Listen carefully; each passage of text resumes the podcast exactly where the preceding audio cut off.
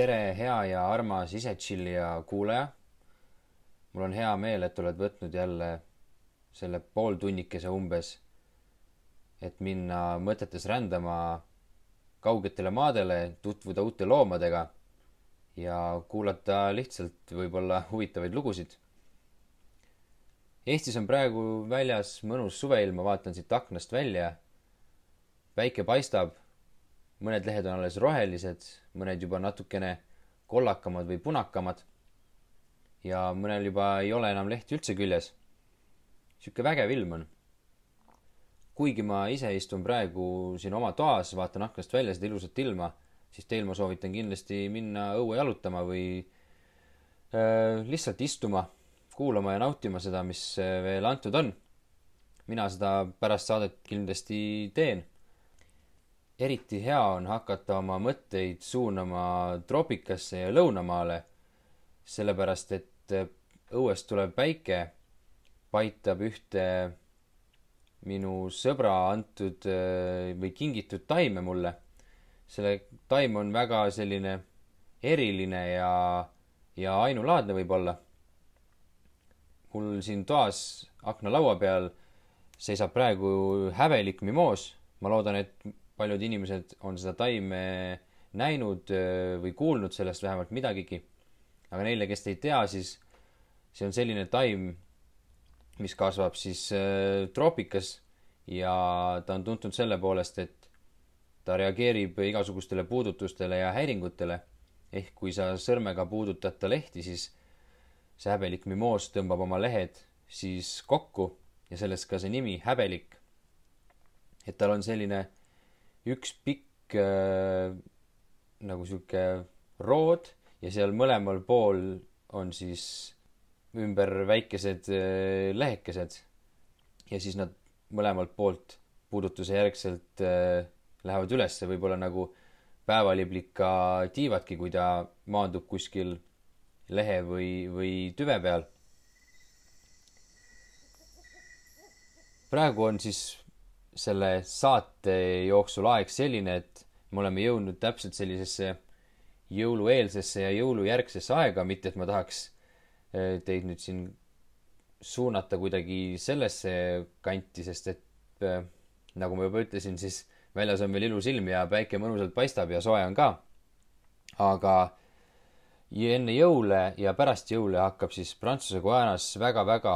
tihe aeg sellepärast et hakkab kätte jõudma vihmaperiood. ja vihmaperiood on just see aeg, kus äh, saabub ka kuskilt, kuskilt metsast välja üks kõige tähtsamaid putukaid, keda Prantsuse Guajanas püüda saab, see nimelt siis äh, titaansikk. et te, kes ei ole kuulanud, siis mingit osa, kus ma rääkisin äh, Prantsuse Guyana putukatest, seal ma rääkisin titaansikust natukene pikemalt, aga igatahes ta on maailma suurim mardikas ja ta võib kasvada mingi seitsmeteist, kaheksateist sentimeetri äh, pikkuseks ja ta tulebki ainult välja siis üheks-kaheks kuuks äh, aastas ja jääb kuskil sinna vihmaperioodi algusesse ehk siis jaanuar-veebruar, aga noh, detsembris ka juba päris palju vihma sajab, nii et see on juba vaikselt kogunemisaeg. Teda püüda saab siis ainult öösel ja sellepärast on ka mul tavaliselt päevad hästi vabad, aga öösel see-eest on äh, kaks või kolm ööpüüki vaja ära ohjata, sellepärast et gruppe tuleb ainult äh, peale, kes tulevad siis seda maailma kõige suurimat mardikat ja ühte salapäraseima eluga putukat äh, siis püüdma ja endale kogusse panema või siis tegema mingisuguseid teadustöid selle suure mardikaga. eriti just võib-olla tahetakse just teadlaste poolt teada saada, et eh, mida siis see titaansiku röövik sööb ja kus ta üldse paikneb, sellepärast et siiamaani pole veel mitte keegi mitte kunagi titaansiku eh, röövikut veel näinud. ja seega on meil seal jõuluõhtul ka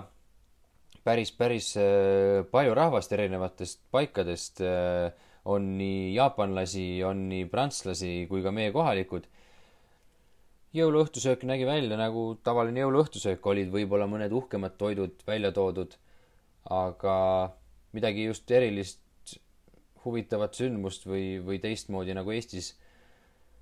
need jõuluõhtusöögid on, ma väga ei näinud. aga tore oli ikka, et jah, pigem rääkisime siis putuka ja džungli jutte nende inimestega seal. ja siis mingi hetk äh, mina pidin muidugi tööle minema, sellepärast et ega putukapüüdjad olid juba nii kaugele tulnud, et, äh, et mis sa siis seal lauas ikka istud, et vaja on ju öösel äh, hakata kohe ka putukaid püüdma ja, ja seda ma siis mingi hetk läksingi üles panema ja vaatama ja kontrollima. aga mitte sellest jõuluõhtusöögist ei tahtnud ma rääkida, vaid tahtsin rääkida hoopis teisest jõulupühast. See oli see aeg või see päev ja see hetk, kus eh, hakkas alles juhtuma. ma ei tea, palju teist on kuulanud minu esimest saadet, aga, aga sellega algaski minu podcasti teekond või selle jutuga. nimelt oli teise jõulupüha õhtu siis oli pimedaks läinud ja ma hakkasin siis oma lotsist minema oma tavalisele öisele metsaringile. ja siis ma arvan jah, paar minutit jalutasin ja siis nägin ühte suurt-suurt punast äh, ümmargust asja mulle vastu säramas metsa vahelt. tavaliselt need mustad või need, mitte mustad, vaid punased silmad hüppavad kiiresti kuskile võssa või puu otsa ära. seekord seda ei juhtunud, ma alguses ei näinud mingisuguseid kontuure ega midagi, nägin ainult seda punast säravat silma. Ja hakkasin siis hästi-hästi tasakesi järjest lähemale liikuma. ma ei osanud arvatagi, kes see alguses olla võib. aga siis, kui ma lõpuks jõudsin nii lähedale, et taskulambi vihk äh, siis valgustas seda silma või seda punase täpi kandjat. see oli siis täiesti ulme, umbes pooleteistmeetrine kaiman, kes mulle seal vaikselt vastu vaatas. Me seisime mõlemad liikumatult, vaatasime üksteisele otsa. ma arvan, et ma olin mingi kaks minti seal ära olnud. siis tuli meelde see, et meil on ju külalised ka, kes võib-olla pole mitte kunagi kaimanit näinud, jooksin kiiresti tagasi, võtsin nad põhimõtteliselt poole sööma pealt äh, nagu haardesse, ütlesin, et kuule, et mul on seal metsas siin lähedal kaiman, tooge oma kaamerad või, või mis iganes teil vaja on kaasa ja, ja lõpetage kiirelt söömine, sest et me ei tea, kaua seda kaimanit seal veel on. ja siis me läksime kõik nende jaapanlaste ja prantslastega seda kaimanit siis vaatama. ja see oli päris äge moment nii mulle kui ka kindlasti ka neile et iga päev just ei juhtu, et sul äh, lotsi nii lähedal kuskil künka otsas mingisugune kaiman ära eksida võib, et tavaliselt nad elavad ikkagi sellises äh, rohkem äh, vesisemas alas ja, ja jõgede ääres, kui ja ka meil seal mingisugust jõge nii lähedal kindlasti ei ole ja, ja, ja need jaapanlased olid ikka vaimustuses ja mina olin vaimustuses. muidugi need mul seal kohalikud ülemused, neil, neil on jumalast suva. Nad on, vist näevad neid iga aasta ja samamoodi. aga, aga minu jaoks oli see meeletult, meeletult suur asi. Kaimanid üldse on siis ühed äh, krokodillilised ja nad on üldiselt väiksemad kui teised krokodillilised ehk siis krokodillid või siis alligaatorid. ja Prantsuse Guanas on neid siis äh, neli liiki et on siis olemas prillkaiman, punane kaiman, must kaiman ja hall kaiman, peaks olema ta vist eesti keeles äkki, vähemalt otsetõlgituna. ja see vist öeldi mulle, et on must kaiman, mis on siis kõige suurem neist ja, ja ka kõige nii-öelda ohtlikum just selle tõttu, et ta võib kasvada nii-nii suureks. ja samas ajal, kui me seal lähedal olime ja pilti tegime ja ja ringi vaatasime, siis ta niimoodi mõnusalt vahepeal mühises eh, meile seal sihuke mm, sihuke hästi madal ja hästi vaikne hääl. Aga ta ei tundunud üldse eriti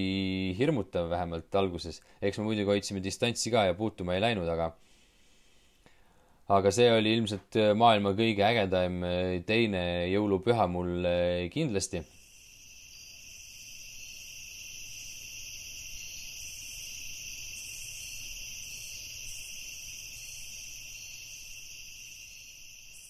ja mulle mingi hetk hakkas tunduma, et, et see vihmaperiood meelitab ka teised loomad kuskilt oma urgudest ja, ja varjualustest välja, äkki hakkab rohkem toitu neile tulema või midagi sellist. igatahes paar päeva hiljem, kui ma läksin samuti oma öisele jalutuskäigule, siis äh, ma nägin üleval puu otsas ühte liblikapüünist, mis hullult äh, rappus ja, ja käis nagu üles-alla. et äh, putukapüüdjad tahtsid siis ka päevaliblikaid püüda ja selleks olime neile pannud siis sinna püünistesse erinevaid äh, nii-öelda maiustusi siis liblikatele ja putukatele, ehk siis kas äh, banaani või mangot või mingisuguseid muud puuvilju. igatahes see rappumine tekitas mus uudishimu, et mis asi see napp rapub, et nagu liblikad ei ole kindlasti nii suured. hakkasin siis äh, seda püünist sealt ülevalt puu otsast alla laskma, siis järsku näen, et üks suur-suur rott eh, jookseb sellest püünisest välja, paneb puu otsa kuskile kaugele minema, aga see püünis ikka rapub. lasen ta siis päris alla ja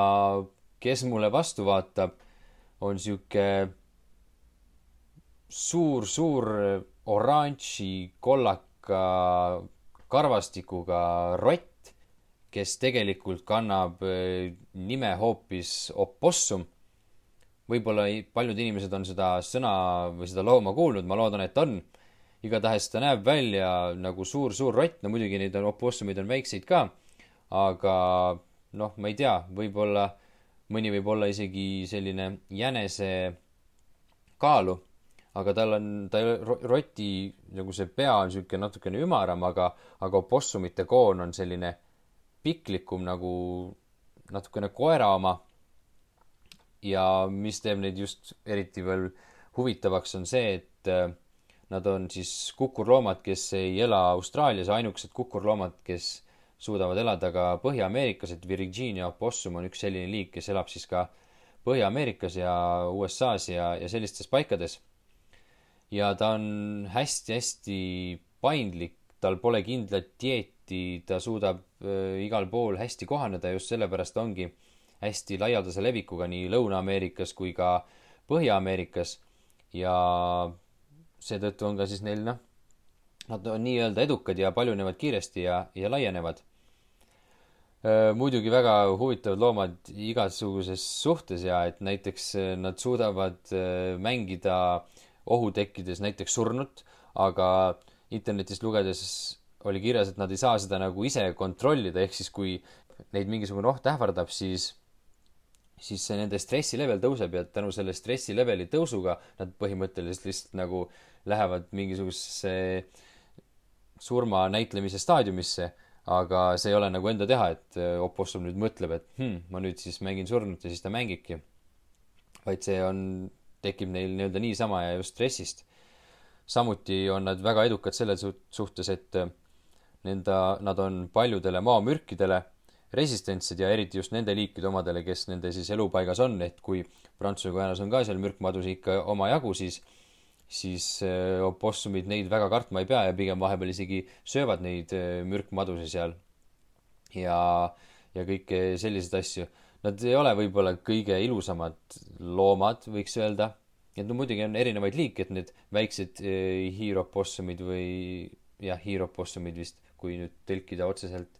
siis need on niisugused nunnud ja armsad, aga samad mõned on sellised suured ja räpakad ja haisevad ja, ja siis nii-öelda ma ei oska seda öelda, kuidas nad seda, mis häält nad teevad, aga samamoodi mingi nagu sisisevad või, või mühisevad natukene seal ja näitavad oma hambaid, et see ei ole üldse selline meeldiv, aga enamasti nad lihtsalt teevad seda selle jaoks, et mind ehmatada või siis oma ründajat ehmatada, et et nad üldiselt ei ründa ja mind ei ole rünnanud ka.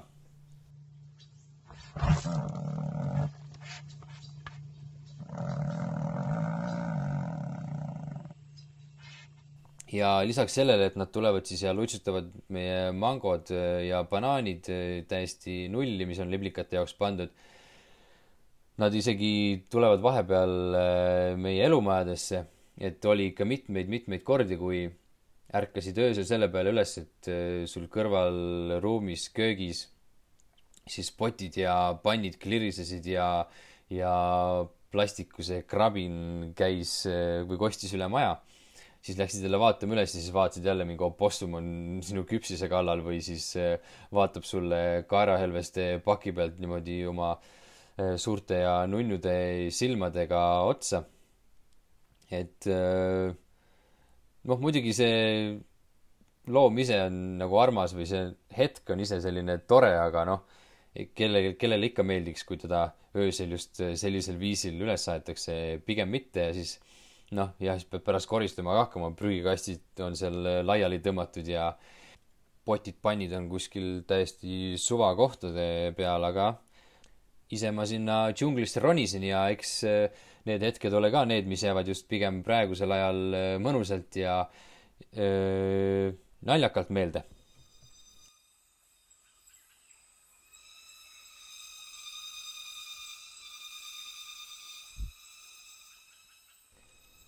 vahetult enne uusaastat aga tuleb sinna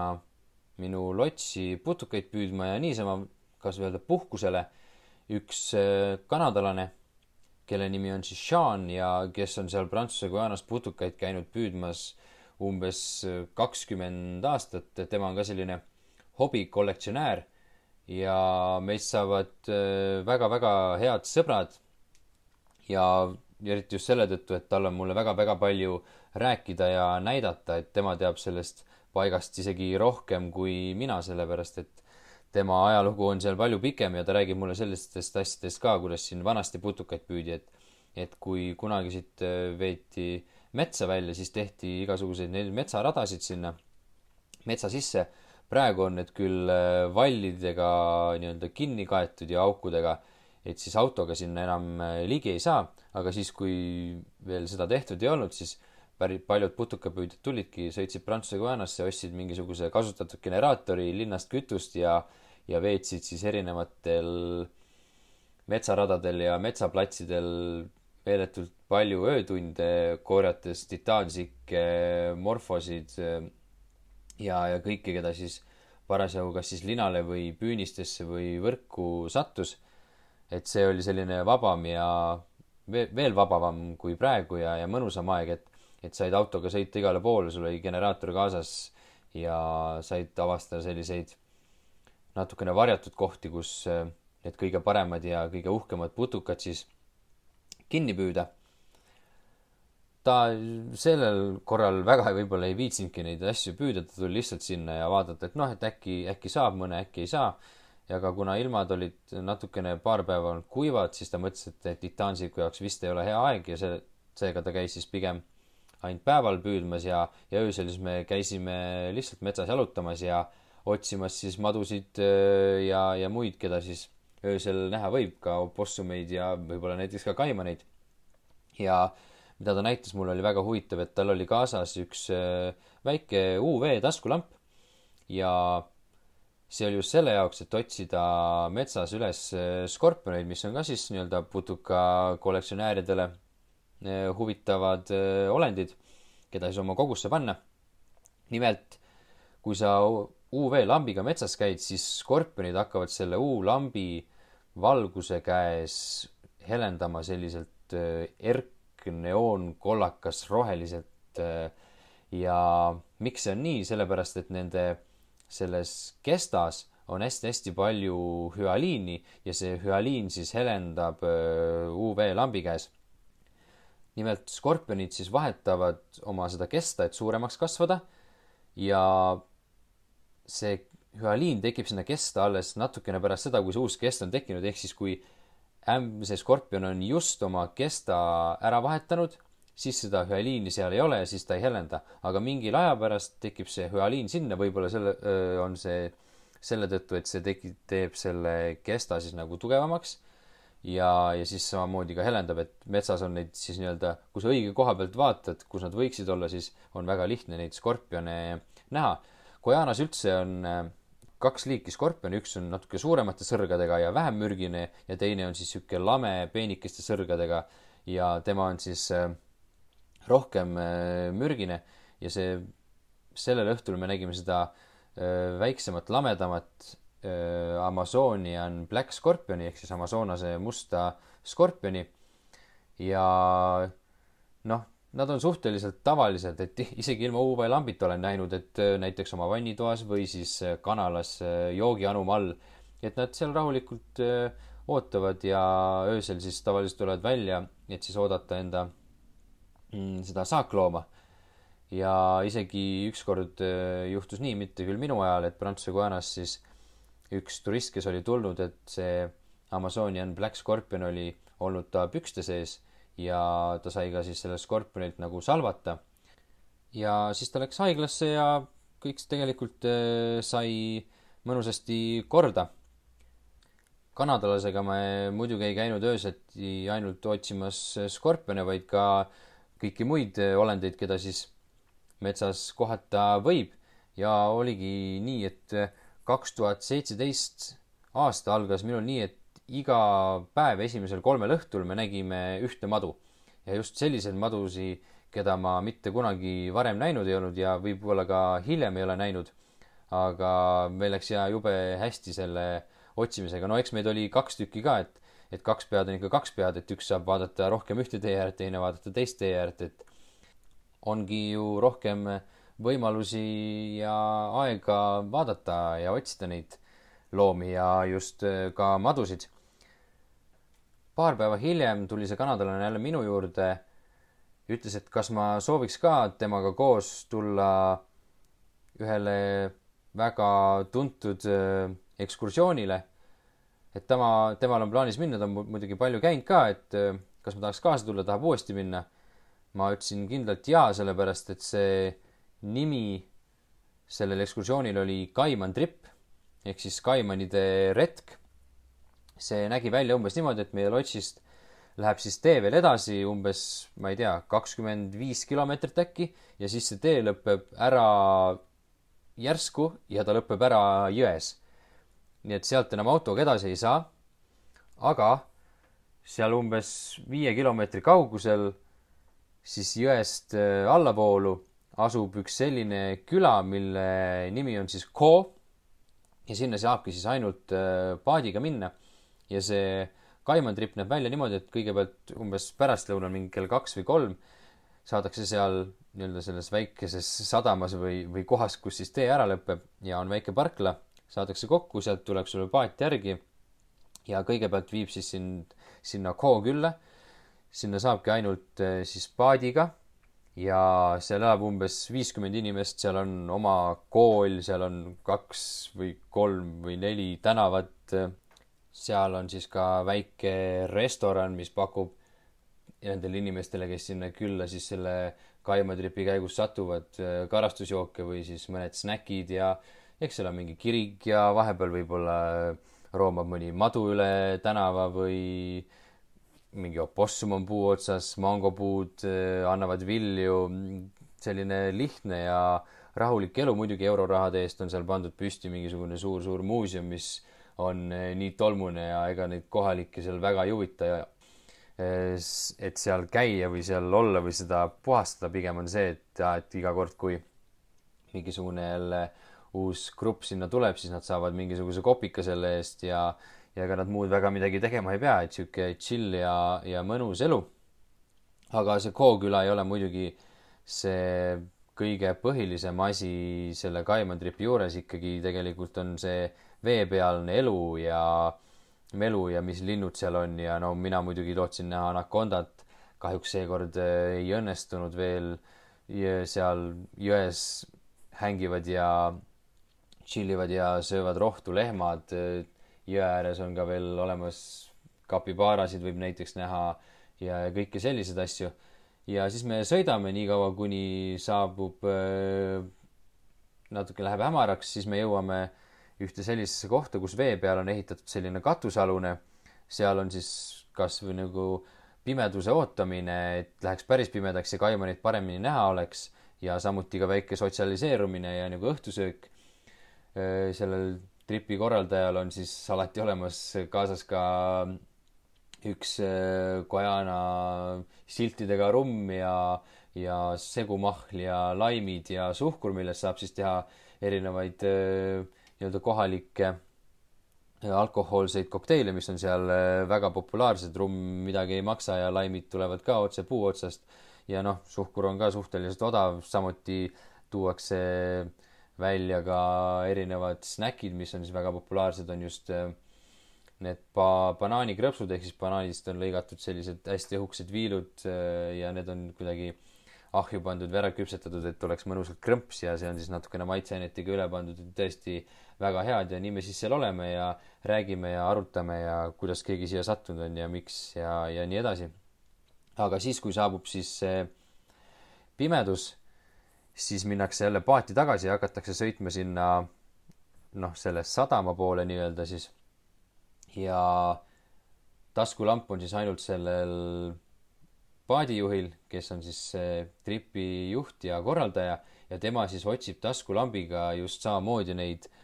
punaseid väikeseid kerakesi, kes siis seal taimede vahel jões mingisugusteid kalu või, või muid toidupalakesi ootavad. ja nad on muidugi oskuslikud ja, ja seda tööd väga pikalt teinud, ehk siis nad üritavad ka neid kaimaneid siis võtta kätte just nii-öelda väiksemaid, kes siis ei ole ohtlikud ja, ja neid liike, mis ei ole looduskaitse all, näiteks mustkaiman on looduskaitse all ja, ja teda kätte ei tohi võtta, et ükskord kogemata mingi noor ja hullike eh, kogenematu tüüp võttis kätte musta kaimani, see hammustas teda ja siis ta visati sellest kogukonnast välja ja, ja oli seal igasuguseid jamasid. aga neid väiksemaid mingisuguseid äh, prillkaimaneid näiteks, mida on siis minu arvest-, arvestuste kohaselt seal kõige rohkem, mida ma kõige rohkem näinud olen, siis jah, ma arvan, mingisuguseid seitsmekümne sentimeetriseid isendeid see paadijuht ka proovib siis püüda, et inimestele näidata lähedalt ja, ja kes äh, inimene siis soovib, siis on tal võimalus ka neid äh, endal nii-öelda kätte võtta ja kas teha endale mälestuseks siis äh, pilt või, või video või, või mis, mis iganes või lihtsalt paita kaimani seda natuke krobelist nahka. Ja sellel õhtul meil ka siis paar tükki õnnestub äh, kätte saada ja saan ka ise siis hoida ühte kaimanit äh, mõni hetke käes. ja noh, väga vinge ja äge kogemus just seal niimoodi öösel tähistaeval äh, paadiga sõita mööda mingisugust džunglijõge, see on ikkagi täiesti enneolematu ja, ja unustamatu kogemus ja eriti kui sa, eriti äge on siis, kui sa näed ka neid loomi, kelle pärast sa sinna läinud oled ja võib-olla mingeid muid loomi, näiteks ükskord, kui ma veel käisin, siis öö, me nägime ühte poad seal samuti taimede peal tšillimas ja ootamas oma õhtusööki või paarilist näiteks kasvõi no eks see Kaimatrip olegi selline rohkem selline turistikas ja, ja tuntud värk. Aga ega see ju väga hulluks seda asja ei tee. turisti asju tehes võib ka juhtuda imelisi asju, näiteks eh, üks kõige ootamatum võib-olla kogemus samamoodi oli see, kui ma sõitsin autoga ühte teise väikesesse linnakesse, mille nimeks on siis Regina ma arvan, et seal mingi, ma ei tea, kaks tundi äkki sõita minu lotsist. siis ma kõndisin seal tänava peal, oli ilus päiksepaisteline tore päev, kui ma järsku nägin ühe seina peal mingisugust plekki, sihuke tavaline kivisein, seal oli mingisugune suht, mingisugune plekk mingi kaugelt, mingi must täpp. ma ei saanud aru, ta oli ikkagi päris suur, no selline oma kümne sentimeetrise pikkusega kindlasti. ja iga samm, mis ma lähemale läksin, siis ma ei uskunud väga oma silmi, sest et see laik tegelikult osutus hoopiski titaansikuks. mis teeb selle huvitavaks, on see, et oli täiesti päevaaeg, päike paistis, kraadi oli mingi kolmkümmend. ta ei liigutanud enne seda, kui ma sinna lähemale jõudsin ja ta eh, nii-öelda kätte võtsin et tavaliselt ma olen harjunud, et titaansikud tulevad ikkagi öösel äh, sinna valguspüünise peale, et ma olen näinud, kuidas inimestel on karbis need ja, ja kuidas nad neid püüavad, aga, aga sellisel hetkel kuskil suvalises linnas seina peal, see on ikka täiesti crazy. no ma läksin ikka väga õhinasse ja, ja et sellise koha pealt no eks ma olen ikka unistanud, et, et kui mul tekib võimalus, siis selle titaansiku ma tahaksin endale ka nagu suveniiriks kaasa tuua, aga ma ei osanud oodata, et see sellisel viisil äh, mulle niimoodi ennast ilmutab. Ma alguses võib-olla täpselt ei teadnud ka, et, et kas see ikkagi on titaansikk, aga siis ma saatsin oma ülemusele pildi ja ta ütles, et jaa, et see on titaansikk ja, ja see oli siis see viis, kuidas ma endale titaansiku öö, omale koju sain ja koju tõin ja ta ilusti ära sirutasin ja, ja nüüd see on mul siis siin oma väikses suveniiri kogus, mis mul Prantsuse Guyanast siis kaasa toodud on. Aga selle nii-öelda mulle väga meeldiva uudisega, ma loodan, et ka teile ka, et et võib-olla kuskil äkki näete ka mu seda, neid kogusi, et olen ka käinud mõnes kohast, kohtades nendest putukatest ja Prantsuse Guyanast rääkimas. võib muidugi ka veel mind kutsuda, kui kellelgi huvi on. ja need kogud ma võtangi siis kindlasti kaasa. aga sellega siis tänane saade võib-olla ongi läbi. loodan, et oli huvitav pooltund ja kuuleme juba siis järgmine kord, aga seniks olge mõnusad ja nautige. tšau